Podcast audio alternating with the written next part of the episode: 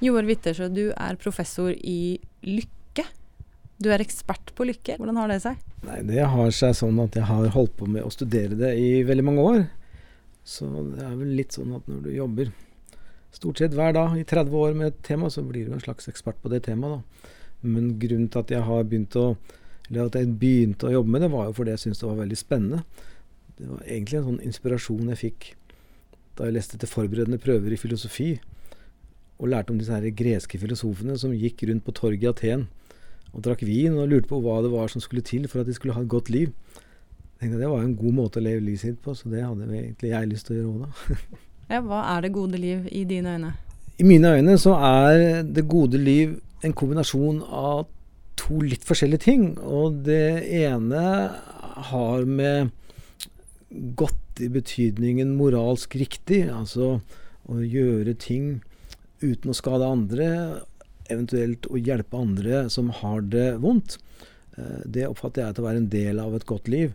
Eh, den andre delen av et godt liv er jo de subjektive opplevelsene og følelsene som hver og en av oss går rundt med og har mer eller mindre av hver eneste dag. Så det er på en måte en sånn subjektiv definisjon av godt. da. Eh, hvor det gode rett og slett blir oppfatta til å være det som føles godt.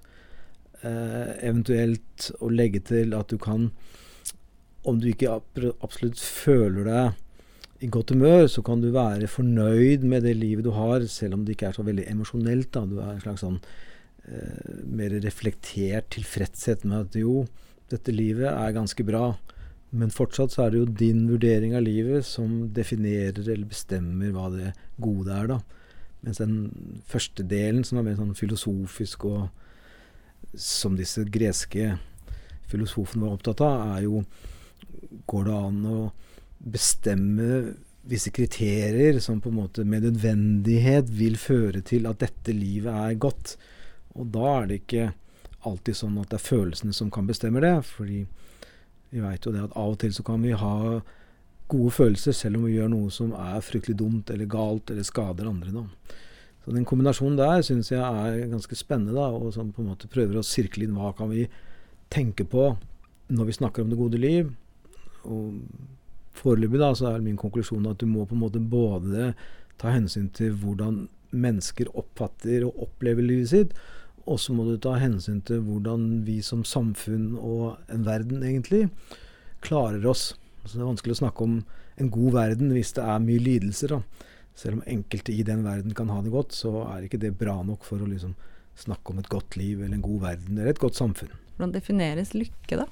Ja, Det defineres jo litt på samme måte som det gode liv. altså Disse filosofiske tradisjonene de sier jo at lykke er det samme som det gode liv. Det er synonymer.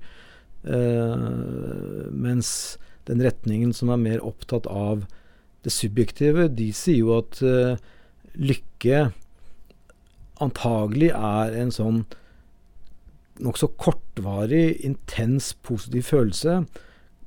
Kanskje det vi har hvis vi er intenst forelska, det blir alltid brukt som et sånt eksempel på intens lykkefølelse. Det er liksom å være forelska.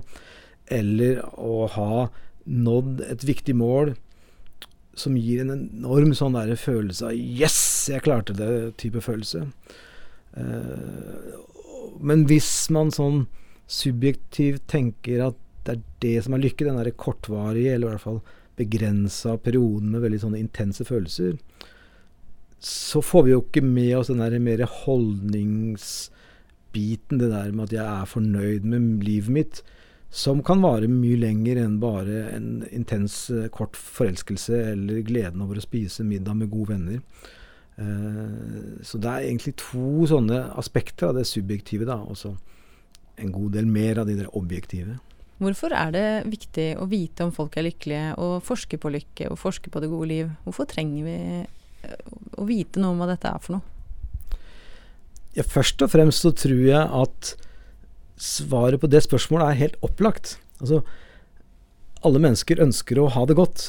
Og det fins det til og med undersøkelser som viser, så det kan vi dokumentere. Og det sier seg på en måte sjøl, men så er det det at jo, vi ønsker eh, gode liv for oss, og vi ønsker gode liv for andre mennesker også. Eh, men så er vi ikke helt sikre på hva vi skal gjøre for å få et godt liv. Og så begynner vi å finne ut visse metoder for å få et godt liv. Vi kan kanskje ha økonomisk vekst, eller vi kan kanskje ha et utdanningssystem, eller vi kan ha forskjellige måter å ta vare på barn og gamle osv. på. Og i utarbeidelsen av disse midlene, egentlig, for å få et godt liv, så kan vi jo snuble inn og bli litt sånn blinde, og så blir liksom middelet målet, da. Det viktigste er enten et godt utdanningssystem eller økonomisk vekst, eller hva det måtte være.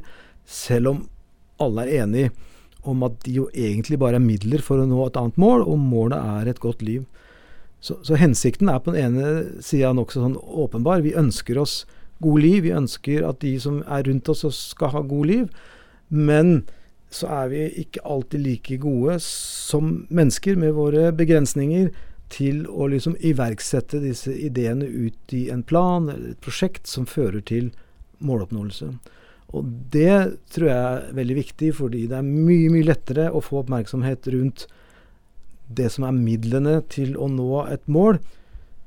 Om det er veiutbygging eller økonomi eller aksjekurser eller arbeidsledighet eller hva det måtte være, får masse medieoppmerksomhet. Mens det som alt dette egentlig skal gi oss, nemlig et godt liv, snakker man nesten aldri om. Det blir noe sånn useriøs kitschaktig over det med lykke. Det er liksom noe man holder på med i Lørdagsmagasinet og ukeblader og kulørt ukepresse. Mens det seriøse, liksom, det er det som handler om midlene, og ikke om målet. Så Derfor så mener jeg at det å eksplisitt fokusere på det gode liv og utvikle et språk som blir tatt seriøst for å beskrive det og for å behandle det politisk og rundt omkring, så er både forskning og debatter om lykke kanskje noen av de viktigste diskusjonene vi kan ha. Men du som har forska på det her i massevis av år. Du må vel ha noen gode råd til hvordan folk skal bli lykkelige? Ja, jeg eh, har forhåpentligvis det, da. Eh, og jeg tror kanskje et sånt råd som er litt sånn vanskelig å si på norsk, men som høres bedre ut på engelsk, det er jo at mange tenker på lykke som noe som foregår på innsida, altså det som de kaller for within. Eh, mens mye mer av de gode følelsene kommer fra det vi gjør med andre, altså between, da, som handler om at det, vi tenker oss at det er det jeg gjør med meg, som er det viktigste for mitt liv og min lykke, kanskje. Mens veldig ofte så ser vi at det å ha gode sosiale forhold er mye viktigere for at du skal ha det godt med deg sjøl også, da. Så det første rådet er kanskje å måtte legge mer vekt på å få det sosiale til å fungere, være sosialt sjenerøs, istedenfor å være sosial gjerrig, da. Og hvis en skal gjøre noe i tillegg til det, så vil jeg jo tenke at veldig mye av de gode opplevelsene vi har i livet vårt, de kommer fra aktiviteter som vi gjør på gode måter, på riktige måter. Altså hvis du har noe du liker å gjøre, så gjør du det på din måte. Og Det betyr at du må ha en slags sånn autonomi, og at du gjør ting fordi det er viktig for deg, og ikke fordi at det speiler en eller annen vellykkethet overfor andre, eller altså at du gjør det for å imponere andre. Så det der med å ivareta gode sosiale relasjoner betyr ikke at du skal gjøre ting for å imponere andre, eh, men det betyr at du skal være åpen for andre mennesker, samtidig som du også gjør ting ut fra dine egne premisser dine, sant, i forhold til den, det tempo som du liker å gjøre ting i, når du liker å gjøre det, osv. Så, videre. så det er en sånn råd nummer to. da, En slags sånn autentisitet i livet ditt. At du gjør ting fordi det er viktig for deg, og på måter som passer deg, og ikke på måter som passer liksom et eller annet glansbilde av en eller annen modell av et menneske. da. Hva er det som gjør deg lykkelig? Ja, det er i hvert fall ikke å bli intervjua på podkast. jeg blir ganske lykkelig av å snakke med folk, så da har jo du oppnådd noe ved denne samtalen. Selv om ikke du eh, setter så stor pris på å bli intervjuet. Gjør det deg litt lykkelig? Ja, det gjør det. Det gjør det. det hjelper. Men vil du eh, anse deg selv som et lykkelig menneske? Ja, middels. Jeg syns jeg har et godt liv, men eh, jeg vil jo si at jeg er en sånn middels lykkelig person. Og det er bra. Det er bra nok. Takk for praten. I like måte. Takk skal du ha.